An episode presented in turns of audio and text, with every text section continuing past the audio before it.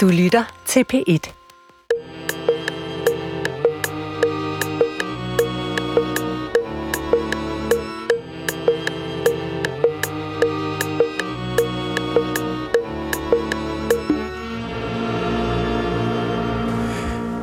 Goddag, mit navn er Peter Lund Madsen, og rigtig hjertelig velkommen til Hjernekassen på P1. I dag skal Hjernekassen på P1 handle om en sygdom, som man måske ikke søger, hører så meget om, men som hos den, den rammer, kan komme til at fylde rigtig meget i dagligdagen.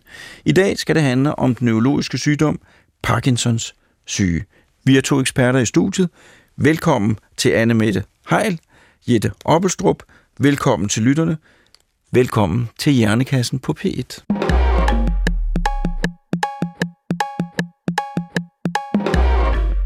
Anne Mette Heil, neurolog, mm, overlæge på Bispebjerg Hospital. Velkommen til Hjernekassen.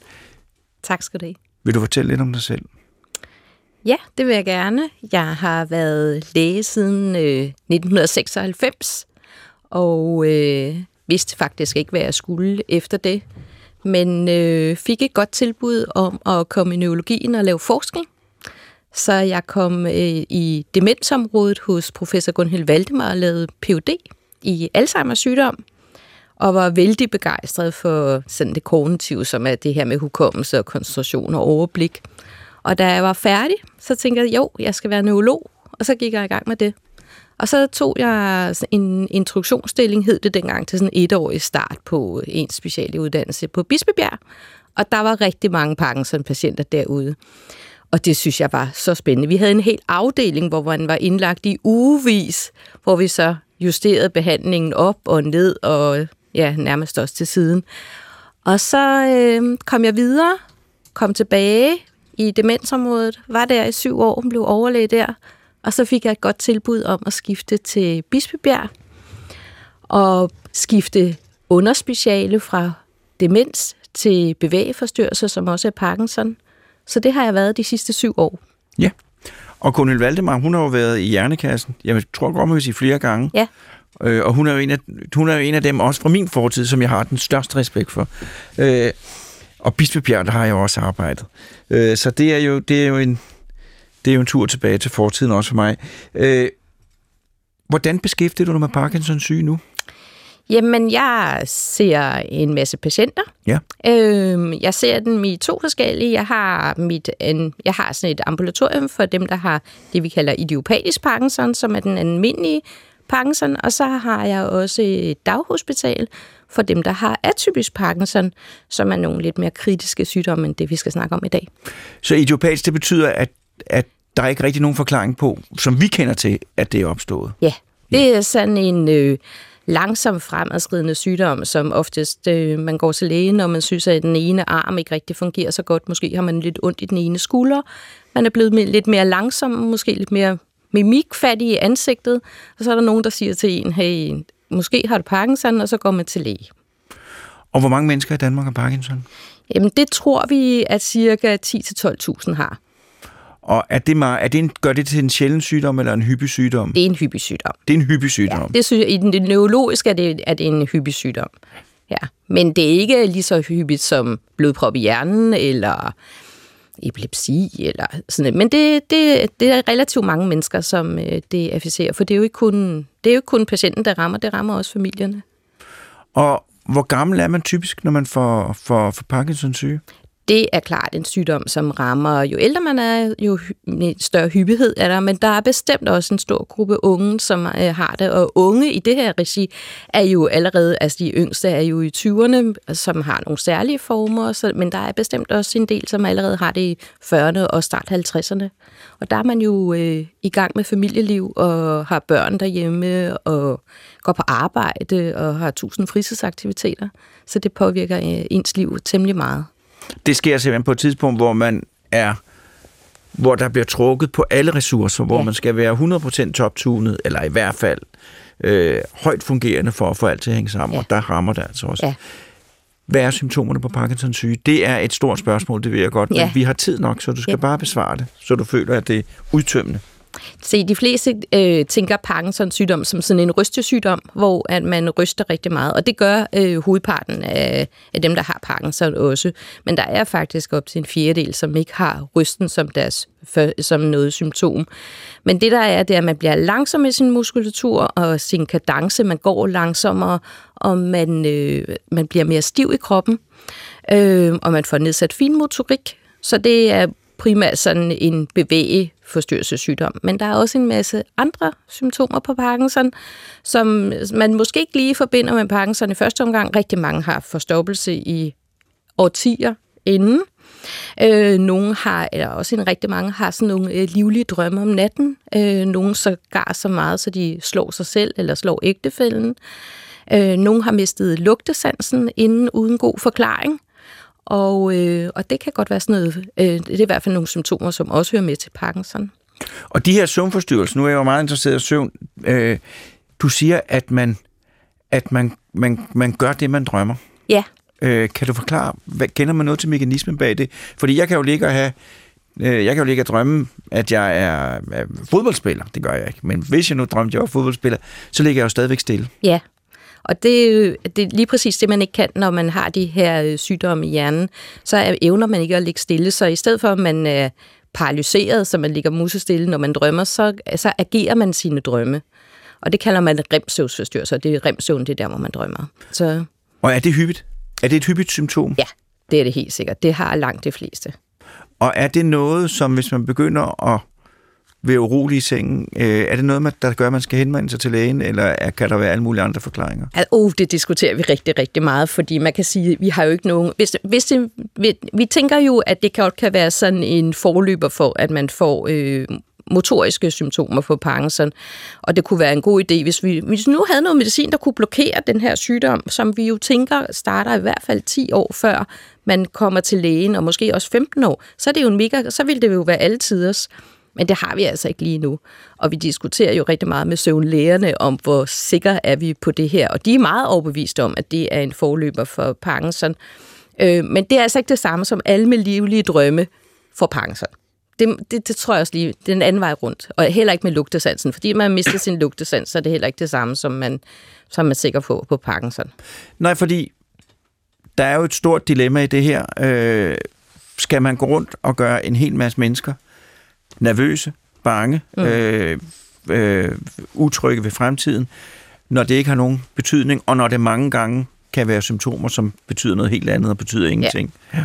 Der er, jeg er meget pragmatisk i det. Jeg synes, man skal gå til lægen, når man synes, at man har en, noget, man er uafklaret med, noget, som betyder noget for ens hverdag, noget, som vi kan behandle.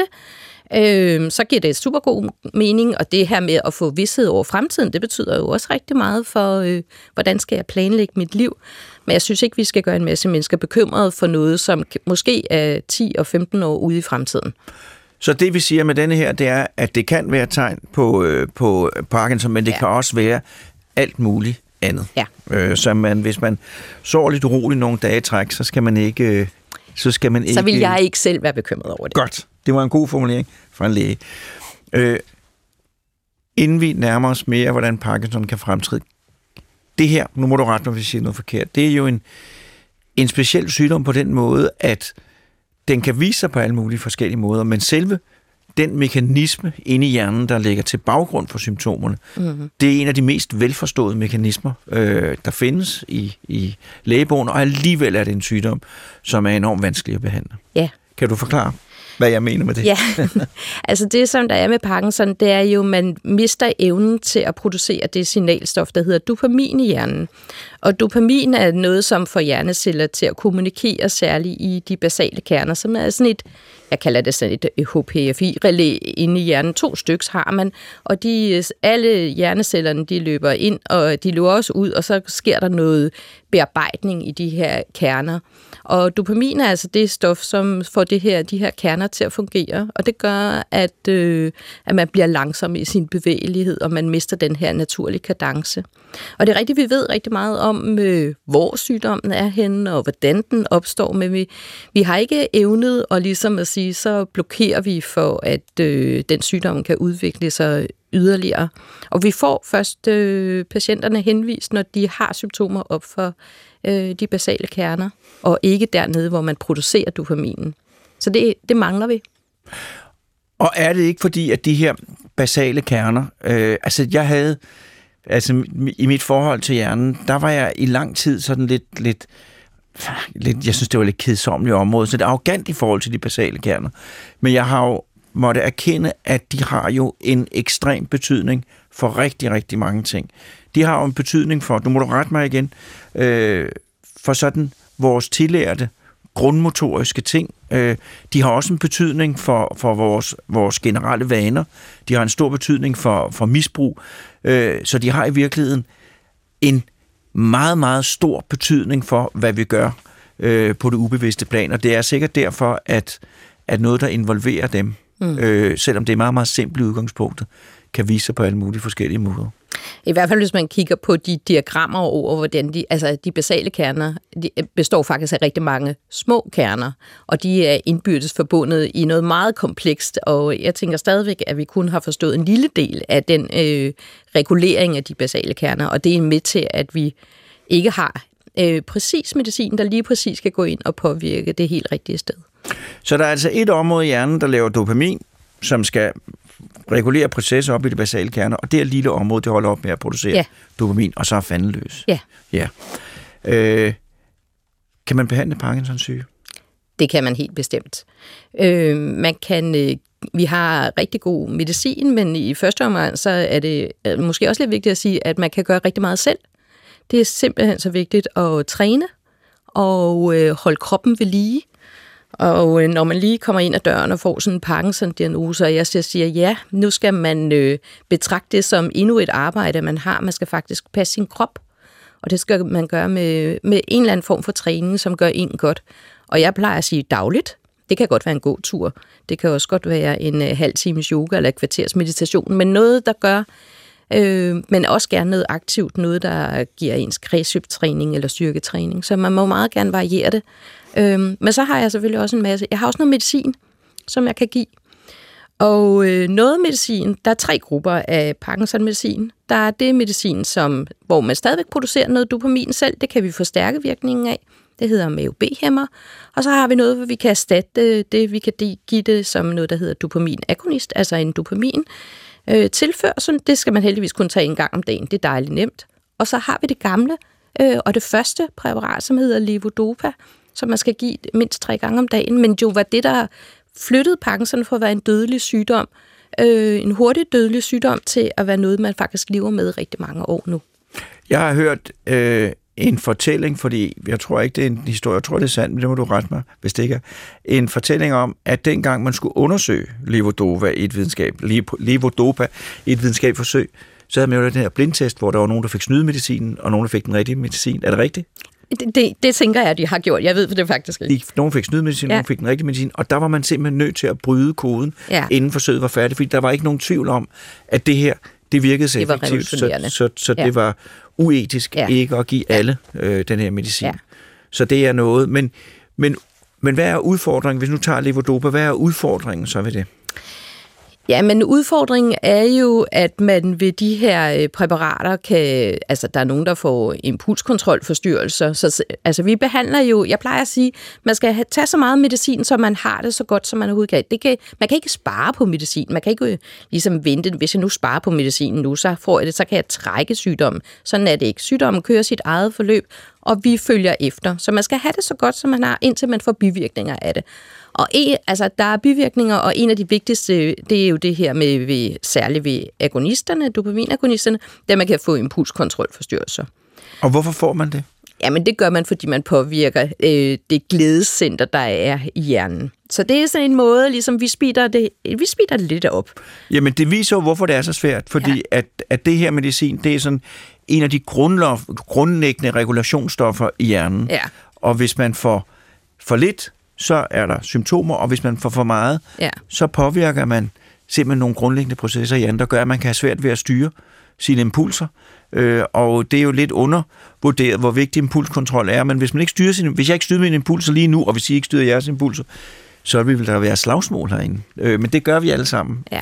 Øh, er det rigtigt? Ja, ja, det er helt rigtigt. Øh, Det viser sig nu ikke så meget i sådan en lidt... Øh, altså, det viser sig på den måde, at der er nogen, der får mere købetrang, ja. eller øh, altså får et, et spilletrang, eller nogen får lidt svært ved at komme i seng om aftenen, og skal lige op og spise en mad -agtigt. Lidt svært ved at gøre opgaverne færdige og sige, nu skal, nu skal jeg faktisk runde dagen af.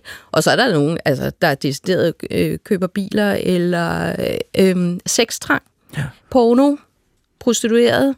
Og det har jo helt sikkert, ja, ja, man skal jo altid tænke, det er jo en, det er jo en kemisk det er jo en kemisk reaktion, og det skal vi selvfølgelig øh, gøre noget ved. Det er en bivirkning til medicinen. Det er jo ikke, fordi øh, personer det- er blevet dårlige, de har dårlig karakter eller noget. Det er simpelthen en kemisk ting, som vi skal gøre noget ved. Ja. Så det, det er vil- vigtigt at få spurgt om. Det vil der jo det vil ske for os alle sammen, hvis vi fik meget Ja, ja, medicin. ja, Altså, det er ikke- ville vi... Det er ikke, fordi man har dårlig karakter. Nej, men Nej. det, man er simpelthen svært ved at styre de impulser. Altså vores adfærd nu er jo hele tiden en balance mellem impulser mm. og kontrol. Og det, hvis den ligevægt hos os alle sammen bliver rykket, så kan der meget hurtigt opstå ubalancer og, og problemer. Øh, så Nej, men grunden til, at jeg spørger, det er fordi, at når jeg har været reservelæge, jeg har lige været, ikke lige, men i foråret var jeg læge i Grønland, og der havde jeg en patient med Parkinson. Mm. Og, og, og det er jo, hvis man ikke er, som du er, inde i det, så er det jo en af den, de patienter, hvor man tænker, åh oh, nej, det her, det er svært, øh, det er besværligt, og det er det også. Det kræver virkelig erfaring og viden at styre det her. Så jeg synes virkelig, at det er svært. Vi har også nogle andre ting, som er, altså medicin kan også påvirke blodtryksreguleringen, så man bliver svimmel, når man rejser sig. Den kan påvirke, at man øh, øh, danner hallucinationer, altså siger ting, der ikke skal være der. Det kan være skygger eller fornemmelse med, at der står nogle personer bagved. Og det er jo det er hele tiden det dilemma, hvor meget, hvor, hvor god gavn gør medicin, hvor mange bivirkninger er der at få den regulering til at passe sammen, øhm, og så behandle ind til bivirkningsgrænsen, og så trappe en lille smule ned. Ikke? Og det her, det er jo så medicin, man skal have flere gange, noget af det skal man have flere gange om Ja, dagen. og man skal have det livslangt. Ikke? Ja. ja. Så det kræver også, at patienterne er dygtige til Ja. at, at, at være med i det her. ja. Du lytter til Hjernekassen på P1 med Peter Lund Madsen. Hjernekassen på B1 handler i dag om Parkinsons syge, og vi er ved at fortælle om, øh, om en af de mange, men også en af de virkelig svære medicinske behandlinger i lægeverdenen. Behandlingen af Parkinsons syge. Øh, og den gode side af det, det er jo, at der er en medicin, som gør, at, at det er langt bedre nu, end det var i gamle dage. Øh, men, men er det noget, den her medicin, der virker for evigt? Øh, hos nogen virker det for evigt, eller medicinen virker for evigt, det ved vi faktisk godt, men hos nogen er det ikke tilstrækkeligt. Øh, og når man har haft Parkinson øh, i nogle år, og hvor lang tid er det? Det er meget individuelt, vil jeg sige. Så er der nogen, der får behov, altså de får det, vi kalder fluktuationer, så enten har de for meget medicin, eller så går de helt i off og fryser, altså er fastlåst og kan overhovedet ikke bevæge sig. Og så er det, vi øh, helst skulle være, havde været på forkant og sige, nu skal der måske en anden behandling til hos nogle udvalgte. Og der kan man give levodopa i pumpe, eller man kan også give det her dopaminagonist, så også i en øh, pumpe eller som en indsprøjtning. Og begge to, det er nogle stoffer, der sådan i princippet erstatter det stof, som hjernen ikke selv Ja, producerer. lige præcis. Eller man kan blive opereret. Og Hvis det- vi tager en af gangen, Ja, du må selv vælge, fra du vil starte med.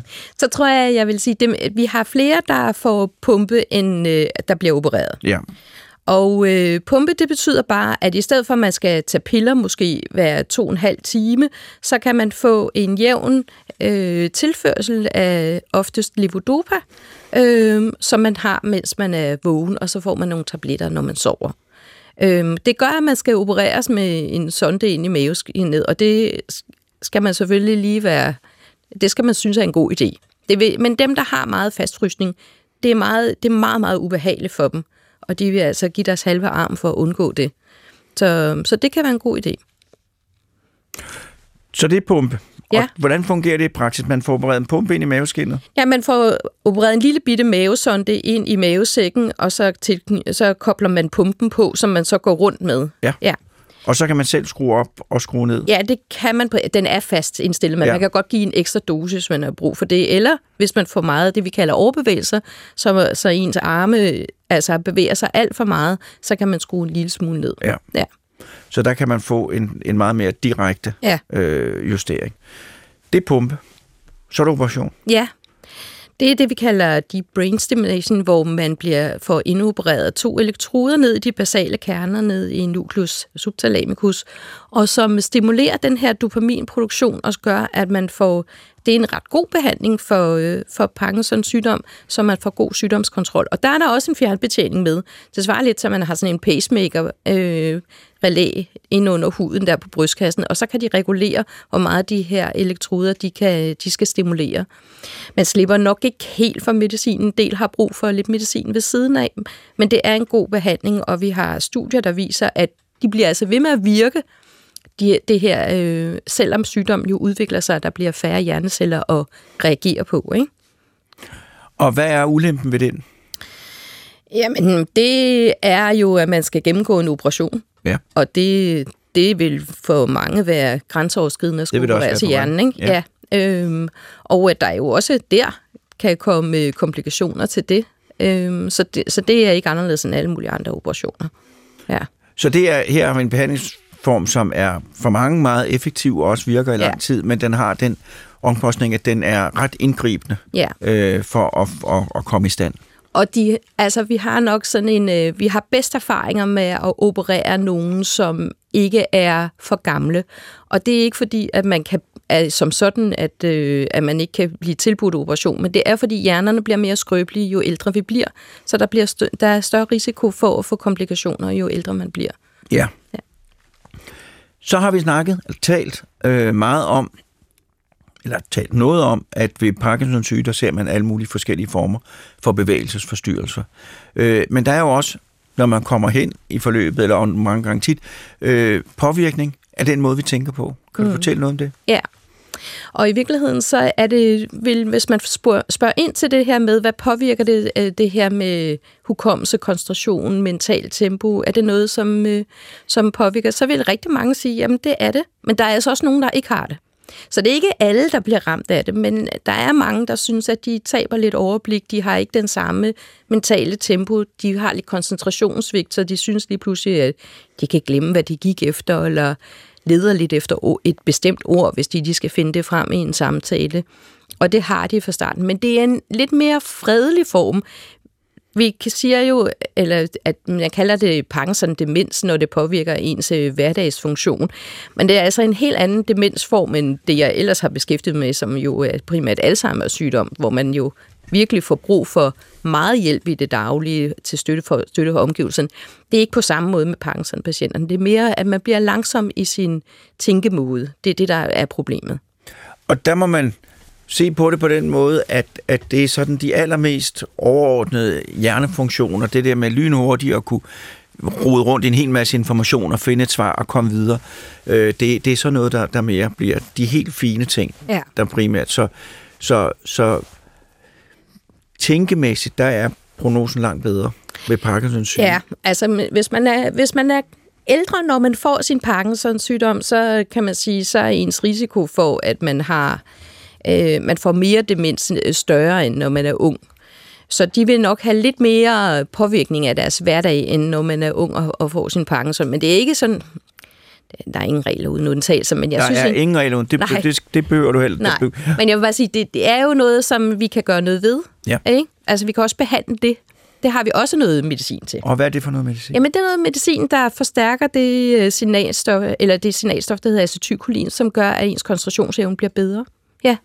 Og det der er, det er, at hvis man, er, hvis man har nedsat af det her acetylkolin, så får man altså nemmere hallucinationer, altså de her syner ved Parkinson-medicinen. Så det kan være en måde ligesom at bevare det gode motoriske funktion ved, at om man ligesom hindrer de her øh, hallucinationer, som ellers gør det, at vi nogle gange bliver nødt til at skrue ned for medicinen. Men der kan man jo høre, når du sidder og taler, at det her, det er jo ikke for, det, det, det er en specialopgave. Ja. Fordi der er mange værktøjer i redsk- mange, jo, mange værktøjer i, i værktøjskassen, øh, men, men, men man skal vide, hvad man har med at gøre, også fordi at vi er inde med nogle sådan ret grundlæggende, basale processer i hjernen. Ja, det er meget potent. Ja. Ja. Men der er, hvis man er i kvalificerede hænder, mange muligheder for at få en meget bedre hverdag, end man ellers ville have fået. Ja, altså jeg kan ikke anbefale, at man ligesom øh, vender det blinde øje til, at man har fået Parkinson og ikke tager sin medicin. Nej. Nej, så har man bare flere år af de dårlige. Ja. Ja. Øh, hvad er fremtidsudsigterne? når vi snakker behandling, fordi at man kan jo sige, når det er så simpelt, så må man da for søren kunne finde på et eller andet. Ja, Og det har man jo også sagt i mange Ja, år, det men det har man. man jo ikke fundet på. Nej, altså man vil sige, de sidste, ja, hvad jeg sige, 5-10 år har, har medicinalindustrien investeret super mange penge i at prøve at udvikle produkter til at bremse sygdommen. Altså ophøre den her, altså Parkinsons sygdom er jo en sygdom, hvor man mister hjerneceller. Hvordan kan vi større for, at de her, øh, den her destruktion, den ophører? Og der har vi prøvet sådan noget antistofbehandling. Lidt af det, man prøver i Alzheimer's sygdom, og som nu er jo blevet godkendt i hvert fald i USA. Man kan diskutere effekten, men det er dog godkendt. Øhm, og det har man prøvet, og vi har ikke haft samme succes. Men det ligner lidt det, som vi oplevede i Alzheimer-forskningen der tilbage i nullerne, at vi skulle afprøve rigtig, rigtig meget, og så pludselig er der nogen, der ligesom, så er der nogen, der finder de vise sten. Så er der jo også nogen, der arbejder med stamceller, og, øh, og det øh, synes vi også er rigtig, rigtig spændende. Stamceller, det er nogle helt, helt unge celler, Ja. der kan blive til, Til hvad som helst. til hvad som helst. Og dermed også dopaminproducerende celler. Dermed de der celler, Ja. som er gået til grunden. Ja. Og dem, øh, det var egentlig noget, man prøvede for 20 år siden, og egentlig også gav god effekt. Øh, der sker der skete bare det, og det tænker jeg ikke, vi har løst, det er, at, øh, at de nye celler blev også smittet med Parkinsons sygdom. Øh, så derfor var det også noget, som varede en periode. Men nu har man øh, videreudviklet på de her stamceller, og vi er blevet meget klogere på, at hvordan man ligesom kan støtte det til at blive det rigtige. Og det, det er man gået i gang med igen. Og det synes jeg, at vi, vi er spændte. Ikke? Og vi tror på, at det, det kan løse det for nogen. Ja. Og hvad er tidshorisonten?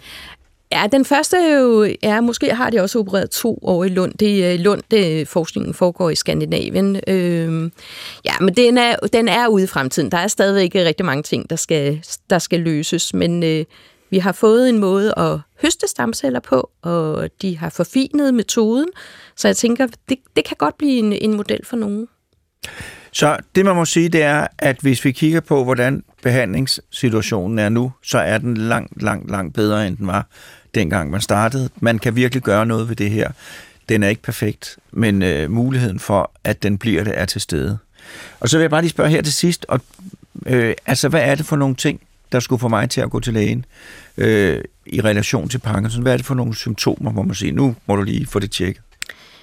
Øhm, jeg vil sige, at man skulle gå til lægen, hvis man øh, mærker, at øh, ens hånd på tastaturet sådan, øh, ikke sådan følger med, eller man er svær ved at skære et brød, eller man er svær ved at knappe sine knapper, eller man føler en spænding og en ubehag i den ene arm, og, og ens øh, kone tænker, man er deprimeret, fordi man ikke har noget ansigtsudtryk. Øh, så tænker jeg, så kunne det være en god måde at komme til lægen på og lige blive tjekket. Ja. Ja, og vi er gode til at sige, om det er Parkinson eller ej. Det er jeg også gode til. Ja. Tusind tak, fordi du vil komme. Det kan være, at vi får tid til dig lidt til sidst, måske. Men nu er det tid til en jingle.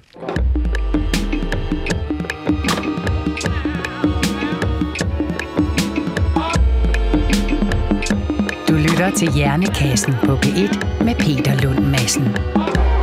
Og i dag der handler Hjernekassen på P1 om Parkinsons syge. Og jeg har talt med Anne Mette Heil, som er overlæge i Parkinsons syge. Og nu skal jeg tale med en anden ekspert på Parkinsons syge, Jette Oppelstrup, som er urmager Ja, og som har Parkinsons syge. Men Jette, tak fordi du vil komme. selv tak. Og øh, jeg vil jo spørge dig, om du også vil fortælle lidt om dig selv. Det vil jeg gerne. Jeg hedder Jette, og jeg er lige fyldt 50. Jeg fik øh, konstateret Parkinson i januar 17, så det er vel en syv år siden snart. Ja. Øh, ja.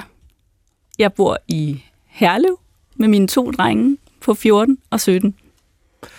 Ja, og vi har jo, øh, hvad det hedder, Anne Mette kom jo fra, kommer jo fra Søborg, jeg kommer fra Mørkhøj, så vi er hele, hele lokalområdet øh, repræsenteret. Øh, nu vil jeg godt spørge, starte med noget helt andet, inden Ja. vi skal snakke om sygdom, for det skal jo ikke være sygdom det hele. Nej, Øh, du er urmager. det er rigtigt. Øh, hvad laver, ja, nej, hvad laver urmager? laver, u- er det et godt job at være urmager? Det er et fantastisk job. Det er så vidunderligt at sidde med små, fine, mekaniske ure, øh, se, hvordan tingene spiller sammen, få noget, der ikke virker, til at virke igen. Det er virkelig et rart job. Og hvad laver man typisk som urmager i Danmark? Jamen, øh, der sidder man øh, på et værksted Ja. og reparerer fine, små mekaniske ure, renser dem, samler dem igen. Så hvis jeg finder et gammelt ur, eller et ur, der ikke virker, så kan man komme, og så får man det renoveret og sådan noget. Ja, Det er jo... Øh, der er noget, der hedder internet, der kan man se en hel masse små film. Øh, nogle, af, nogle af de film, jeg kan blive mest fascineret af, det er lige netop altså nogle meget lange film om, om folk, der skruer uger fra hinanden, renser dem og skruer dem sammen igen og får dem til at virke. og det er jo det, vi gør. Ja, og det er, det er meget, meget beroligende og tilfredsstillende at Ja. se på. Øh, men du har også Parkinsons syge. Det Og har jeg. Hvad var, hvad, var de, hvad var det første, du mærkede til det?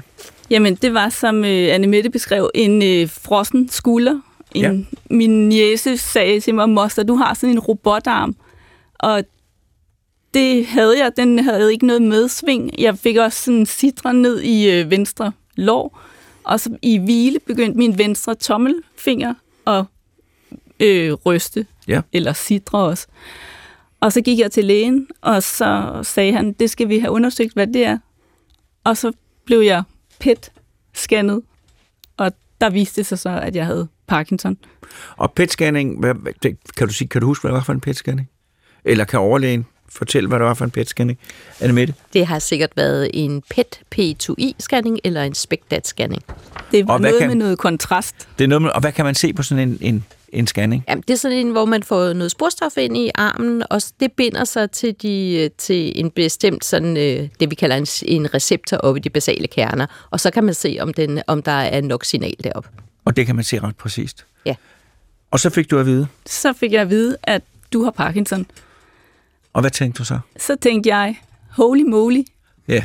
det havde jeg ikke set komme.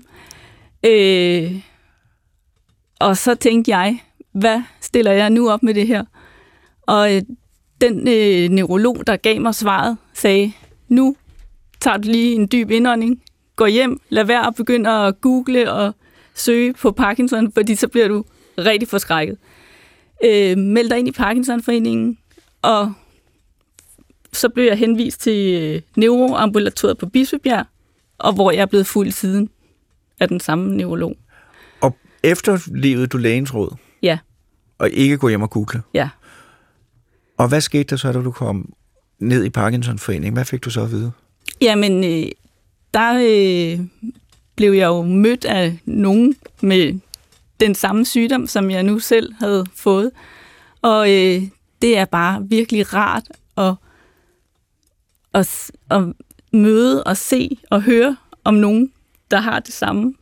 Fordi det er kun os, der ved, hvordan det er at have den her sygdom øh, tæt inde på livet.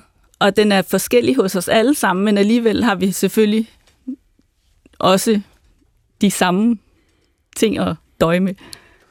Og så var du på klinikken, og hvad fik du at vide der? Og der startede jeg stille og roligt op i medicinsk behandling. Så i stedet for at gå ind på nettet og læse alle mulige skrækhistorier og skulle sidde alene med det, uden nogen mulighed for at vide, hvad er skidt og hvad er kanel, så mødte du nogle andre mennesker, som vidste noget om det. Ja, Som gjorde, at, at den der fordøjelse af den nyhed, den blev, den blev meget mere kontrolleret bedre. det tænker jeg i hvert fald. Ja. ja. Men derfor er det jo stadigvæk en afgrund, der åbner sig, og man står og tænker, hvad skal der ske? Hvad med børnene? Får de det også? Og man har jo 117 spørgsmål. Øh, ja, Og kan du fortælle noget mere, hvordan det var? Du har været 43 år gammel, mm øh, og øh, urmager, og så lige får du at vide, at du har en sygdom, der, der, der ikke går væk. Ja, jamen, jamen, det er svært. Altså, det er, det er en virkelig bitter pille at sluge. Jeg blev virkelig ked af det, og jeg blev øh, sur og frustreret, og tænkte, hvorfor lige mig? Altså, hvad har jeg gjort, siden jeg skal have det her? Øh, samtidig så tænkte jeg, åbenhed må være vejen frem for mig i det her, så jeg fortalte det til alle, der gad høre på det. Og det gør jeg stadigvæk. Øh, jeg bruger virkelig meget energi på at fortælle om, at man godt kan have et godt liv med Parkinson. Øh, jeg fortalte det til mine børn. Jeg sagde, nu ved vi, hvorfor den her arm er dum. Man dør ikke af det. Det hedder Parkinson, og vi finder ud af det sammen. Og hvad sagde dine børn? Og hvor, de var gamle, de- de, har- de har været der 12. Ja, hvad har de været? 10 og 10 og et eller andet. 10 og 7. 10 og 7. Hvad sagde de? De sagde Paddington. Hvad er det for noget? øhm, og nu i dag tænker jeg, at de kan nærmest ikke huske tiden før Parkinson. De har lært med tiden, og, altså, at når jeg mister overblikket totalt, så er de blevet gode til at holde fast i øh, de øh, rutiner, der virker for os som vores lille familie, og ja, de er blevet virkelig gode til at håndtere den her sygdom, synes jeg. Og har de en dårligere dagligdag på grund af din sygdom nu? Det håber jeg ikke, men øh, nej, det synes jeg faktisk ikke, de har. Nej. Jeg tænker, at de måske bliver bedre til at spotte mennesker med skjulte handicaps, Ja. Og det, øh, og kan hjælpe dem. Sådan som når man står for eksempel og skal betale i et supermarked, så kan de godt se, okay, her kan der være en, der har nogle udfordringer, ligesom min mor har. Måske kan jeg lige hjælpe. og lærer også øh, noget om livets udfordringer, som Ja. er enormt godt at vide. Ja. Øh, som, øh, så, så. Øh, hvad er det for nogle symptomer? Hvad nogle symptomer? Altså, kan du fortælle noget om, hvordan at sygdommen ud? Du havde den dumme arm, Ja. og, og lidt citron, og lidt her og der går op, så det er Parkinson. Hvad, hvad sker der så sygdomsmæssigt?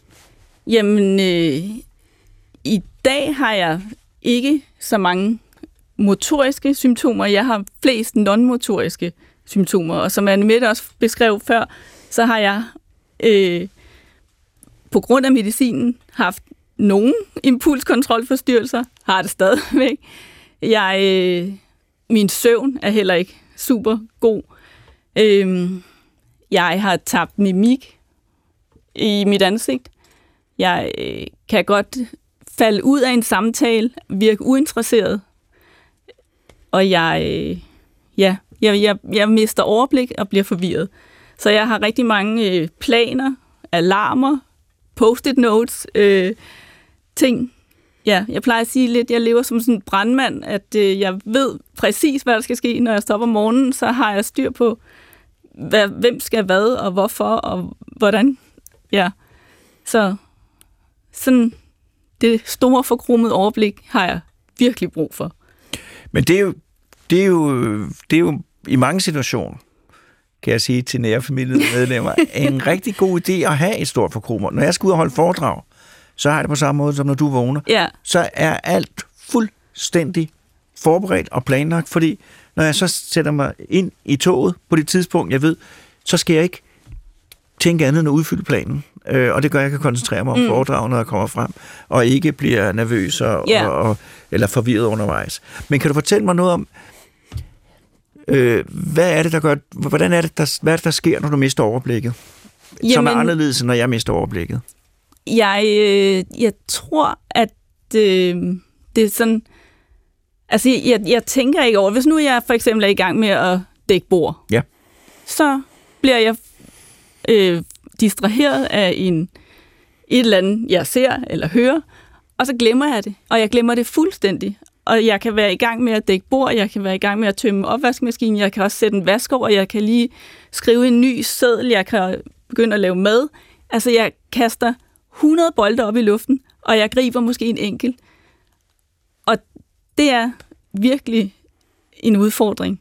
Og det, så, så jeg skaber også selv den forvirring, men jeg har ikke evnen længere til at begrænse mig. Og hvad mener du med at begrænse dig? Altså at gøre en ting færdig. Nej. Men det viser, det er jo, det er jo en af mine kæpheste, men altså, jeg mener jo, at, at man, bør, man går, bør gå i seng hver aften og takke sin hjerne for alle de arbejdsopgaver, den udført. Og det, du der beskriver, det er jo, det er jo noget, som man ikke lægger mærke til, hvis der ikke er en udfordring. Men det er jo i virkeligheden fuldstændig ekstremt, det hjernen gør. Den har en hel masse planer kørende på samme tid, som den skal få til at passe sammen, og som den skal justere i forhold til hinanden. Og der skal jo ingenting til, som du beskriver, hvis man glemmer den ene mm. plan, så vælter hele korthuset. ja. Øh, og det er i virkeligheden, når det fungerer, og også hos dig, et ekstremt kompliceret beregningsarbejde, afvejning af alle mulige informationer, for at få indført igennem den her opgave og dække bord og sørge for, at maden kommer på bordet. Altså, der er jo ikke nogen, selvom vi kan snakke om kunstig intelligens og alt muligt, der er jo ikke nogen øh, computer, som er i stand til at gå ned til købmanden og købe et stykke chokolade og komme tilbage igen. Øh, fordi det kræver så meget avanceret afvejning af alle mulige forskellige ting, før at den til synligheden så simple opgave blive udført. Men en handlesituation for mig er nærmest en umulig opgave, eller meget uoverskuelig opgave. Altså bare det, at øh, jeg kommer ind i supermarkedet, og der er musik måske, der er lyde, der er mennesker, der siger hej, øh, der er forskellige belægning på gulvet. Altså bare sådan ting som, at øh, det ændrer sig fra et trægulv til et linoleumsgulv. Øh, så ser jeg nogle spotvarer. Altså jeg plejer at sige, at jeg er indendørsmester i spotvarer, fordi de distraherer mig helt sindssygt. Og jeg kan gå derfra med ingenting. Altså, Kan du fortælle, fortælle hvordan, hvordan, hvad sker der, når du kommer ind i supermarkedet? Hvad er det med forskellige gulve? Jamen det er for eksempel, så skal jeg jo øh, kigge ned, og førhen, så gik jeg jo bare. Ja. Nu, nu øh, fordi jeg går med det her små øh, Parkinson-tøffe skridt, så skal jeg ligesom tænke over, hvor jeg stiller fødderne, eller sætter fødderne. Øh, bare det, det kan forvirre mig helt vildt. Øh, og når man så kommer op til kassen, så skal man jo have varerne op på båndet. Man skal finde sin, sit kort, og de skal også ned i en pose i den anden ende. Alle de ting til sammen gør det bare fuldstændig vanvittigt, altså, og jeg bliver forvirret. Og der er engang en dame, der har sagt til mig, jeg tror ikke, du skal handle, når du er så fuld. Hvad sagde du så? Lige der mistede jeg lige evnen til et snappy comeback. Ja, det kan jeg Øh. godt forstå. Der blev jeg faktisk rigtig ked af det. Det kan jeg også godt forstå. Øh, det er svært. Hvordan, hvad kan jeg gøre for at kunne, hvis jeg nu ser dig i supermarkedet, hvad kan jeg gøre for at kunne se, at du er ikke fuld? Du har bare svært ved at overskue situationen. Er der nogle ting, et råd, du kan give der til mig? Giv mig tid. Ja. Og tænk dig om, lige tænk dig om inden, ind og sige, okay, måske har hun et eller andet, øh, der udfordrer hende. Ja, men det skal man jo, det man skal vide, der, at der er jo rigtig mange, ikke bare med Parkinson, med alle mulige andre forskellige ting, så er der rigtig mange mennesker, øh, som er udfordret. Øh, Vi skal nok bare blive bedre til at give hinanden lidt mere elstik. så det er en generel opfordring herfra, at, at hvis der står nogen og er lidt langsom, til synlædende forvirret, så kan det være en rigtig, rigtig god forklaring, Mm. øh, hvor man bagefter vil være meget, meget pinlig og flov af, at man kom til at, at sige det der med, at man er fuld. Fordi Ja. det er sådan en... Øh, Ja, det, det gør ondt. Det kan jeg godt forstå. Jeg kan huske en gang, at jeg var fritidspædagog, øh, og der havde vi en dreng, som var blind, og også sådan voldsom i bevægelserne. Meget, meget sød, men voldsom i bevægelserne. Og han stødte gang ind i en dame, og så sagde hun, se dig dog for! Meget surt. Så sagde lederen af, af, af fritidshjemmet, de må meget undskylde, men jeg skal sige dem, Knud er blind. Damen fik det så dårligt. Ja. Jeg tror stadigvæk, hun har det dårligt. Men jeg er ikke sikker på hende, der sagde det der med, at øh, du er fuld, at hun har evnen til at få det dårligt. For Nej. det er sådan mere, det er en unødvendig kommentar, ikke? Ja. Det er en unødvendig nedsættende Ja. kommentar. Den er slet ikke behøvet. For selvom du har været fuld, så er det også lidt tavligt sagt, ikke? Jo, lidt. Øh, ja, godt. Så det, hun skal simpelthen stramme sig an, hende der selv. Men generelt så siger du, hvis folk... Fordi det, det er noget, man kan være slemt til. Jeg tror specielt som København eller storbyboer, når man er ude at handle, så, så har man den der, kom nu, kom Ja. nu, videre. Vi skal lige have betalt frem med den korte kør nu. Øh, og, og det er simpelthen noget, der betyder enormt meget for mange mennesker, at man kan have lov til at være ude at handle, selvom det ikke foregår sådan. Præcis. Og så er der jo nogen, der siger, jamen hvorfor bestiller du så ikke bare dine varer på nettet og får dem leveret? Men jeg tænker bare, hvor- hvorfor må jeg ikke gå ud i samfundet? Altså, jeg har jo en plads ligesom alle andre. Ja, og du generer ikke folk. Ikke øh, Ej, sådan. der er det, der, er- det, jeg vil sige, det falder inden for rammerne af det, der hedder 100% acceptabel adfærd. øh, nå, men altså, vi gentager rådet. Giv lige god tid. Lidt og hvis folk, elastik, ja. ja. Og hvis folk er langsomme, så kan det være fuldstændig fornuftige og søde mennesker, som lige har en bestemt årsag til, at det tager lidt længere tid. Øh, og det bringer mig til det der med fordomme. Nu er det denne her med, mm. hvis folk ser, det går ikke så hurtigt, men er, er der andre ting, du oplever, hvor du har et godt råd til omverdenen om at forholde sig til, til din situation på en anden måde? Ja, i forhold til, at jeg ligesom mister, har mistet noget mimik, og man kan godt virke sådan øh, uinteresseret. Og der er også øh, flere med Parkinson, der får sådan lidt øh, spæd stemme. Øh, så ja, så man... Øh, skal måske bare generelt give lidt mere tid, hvis man altså er klar over, at folk har Parkinson. Fordi altså, vi er måske lidt længere om at nå frem til pointen, men den skal nok komme. Men sådan er det for rigtig mange mennesker. Ja. Øhm, er det sådan, at, at folk også har nogle faste øh, forestillinger om, hvad Parkinsons syge er? ja.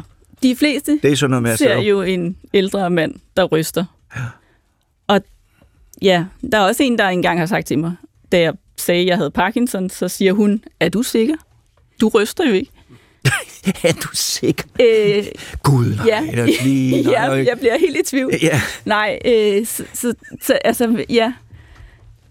Det er det, som folk forbinder med Parkinson. Rysten. rysten og langsom gang, og Ja. en gammel mand, der tøffer afsted. Ja. Og vi er jo nogen, som ikke falder ind under den kategori. Og ret mange kunne jeg forstå, øh, som ikke falder ind under den Ja. kategori. Øh, nu fortalte du før om, at da du fik diagnosen, så reagerede du fuldstændig som... Jeg ved jo ikke, hvordan jeg vil reagere, men altså fuldstændig indfølelig. Hvorfor er det lige mig at blive Ja. vred og føle sig berettiget uretfærdigt behandlet? Øh, hvordan har du med, med sygdommen nu? Øh, jeg har det bedre. Jeg øh, prøver at tage herr Parkinson i hånden og gå ved siden af ham, i stedet for at prøve at slås med ham og løbe fra ham, for det kan jeg ikke. Så jeg stille og roligt prøver at acceptere, at han er blevet en følgesvend. Han er ikke nogen øh, særlig rar type at have med ved siden af sig, men ikke desto mindre, så er det det, jeg er blevet givet. Så en langsom accept. Jeg er ikke så sur mere, som jeg var i starten. Men, øh, men, øh, men du har også engageret dig. Altså en af grunden til, at du sidder her, kunne jeg forestille mig, det er fordi, at du er medlem af Parkinsonforeningens informatørkorps. Ja, Kan du fortælle lidt om det? det kan jeg Eller godt. noget? Ja, jeg øh, havde selv brug for, da jeg blev syg, at møde nogen, der var jævnaldrende, og som også havde børn. Øh, så jeg har kastet mig ud i det her frivillige arbejde, og prøver at oplyse om Parkinsons sygdom, og ja, fortælle dem, der vil høre på mig om det. Øh, Og hvordan foregår det, når du ikke er i radioen? Jamen, så har jeg for eksempel været på fysioterapeutskolen, ergoterapeutskolen. Jeg tager ud i på plejehjem og fortæller til personalet om, hvordan det er at have Parkinson. Øh, ja, sådan forskellige ting. Og hvordan er, er det, er det øh, et tilfredsstillende arbejde? Det er rigtig dejligt, fordi så øh, føler man lidt, at man er- med til at give noget af sig selv selvfølgelig hver gang, og får rigtig meget tilbage. Der er jo vildt mange spørgsmål, der kommer retur. Og hvad er det for nogle spørgsmål? Jamen det er, hvordan er det i forhold til din medicin, og hvad, hvornår ja, blev du sådan klar over, at du var syg, og, det samme, som jeg spørger om. Ja. hvad, og forståelige spørgsmål, altså gode spørgsmål. Hvad, øh, hvad, hvad med, med, med søvnen? Du hørte jo før, at, Ja. at der er mange, der får påvirket deres søvn. Hvordan sover du? Og hvordan har Altså, du sovet? jeg sover godt, men perioden, jeg sover, er blevet væsentligt kortere.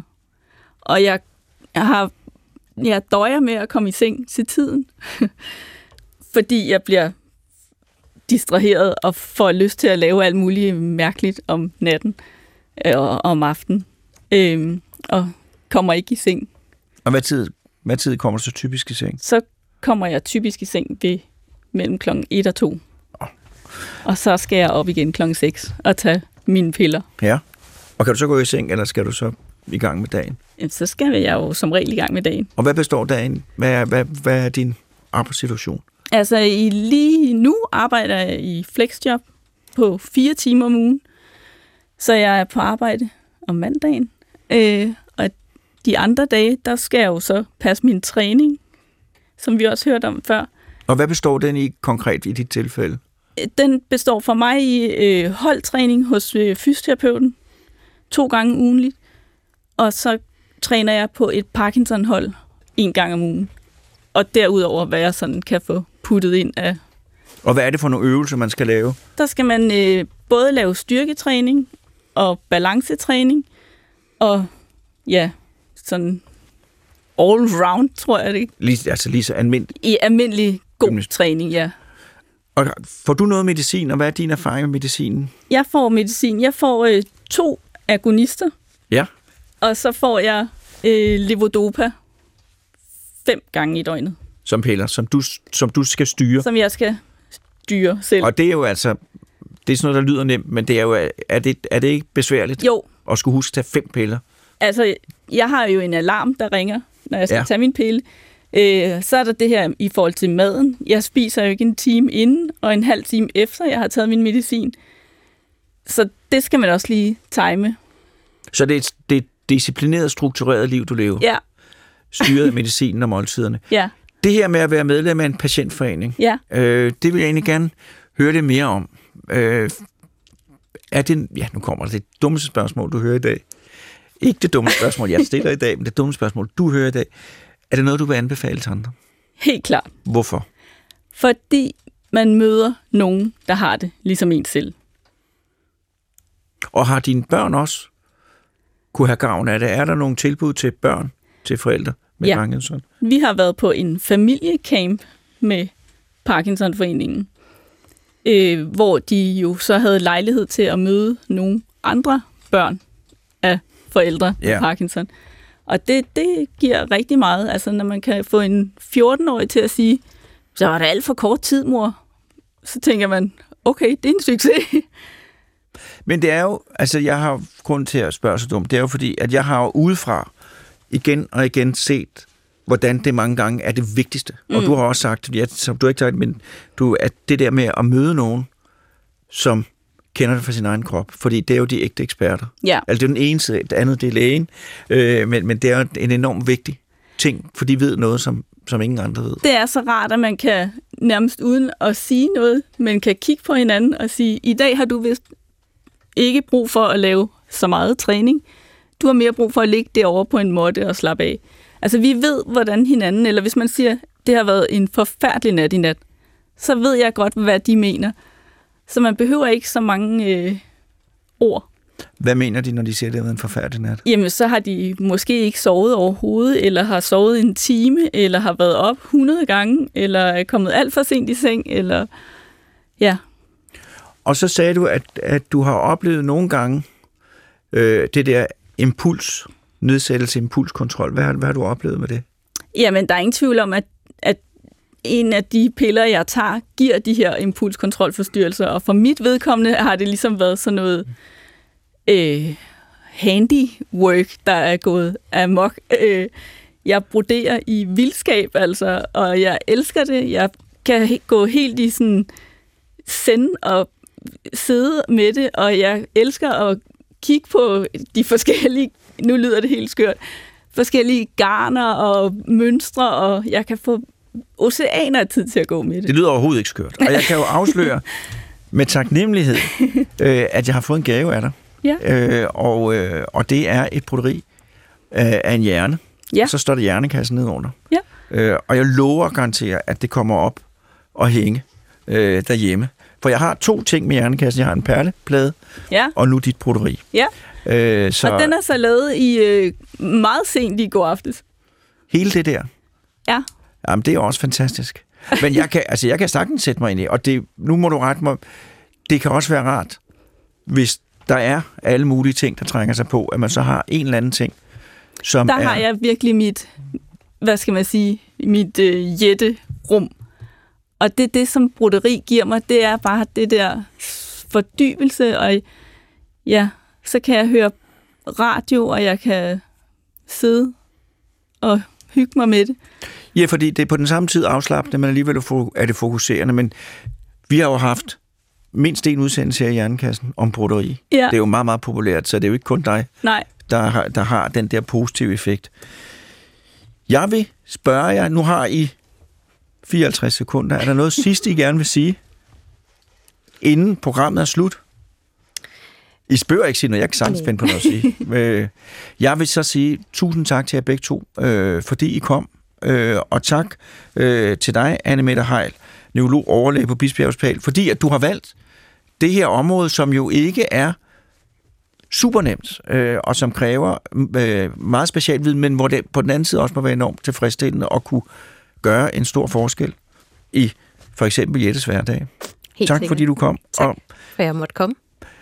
og Jette, tak til dig, fordi du kom og udfyldte din tjeneste som, som øh, øh, i Parkinsonforeningen informat- informatørkorps, Ja. og øh, fordi at du så smukt øh, viste, at selvom man får en, øh, en sygdom, som ikke går væk, øh, så er det ikke så er det ikke ens afslutning Never give up, som Nej. vi siger. Ja, øh, og jeg vil ønske jer begge to øh, alt muligt held og lykke. Og vi ses jo nok en gang. Tak. Og tak for broderiet.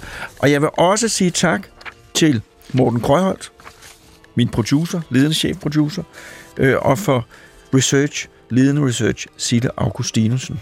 Og med disse taksigelser, som jo i dag tog lidt overhånd, så vil jeg, øh, så vil jeg sige til lytterne, også tak, fordi I lyttede med.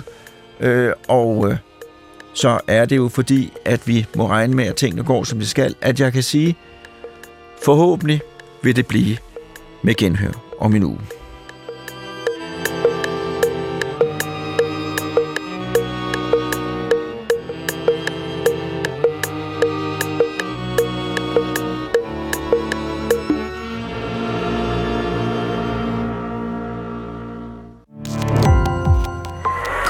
Opdagelse i alle DR's podcast og radioprogrammer. i appen DR Lyd.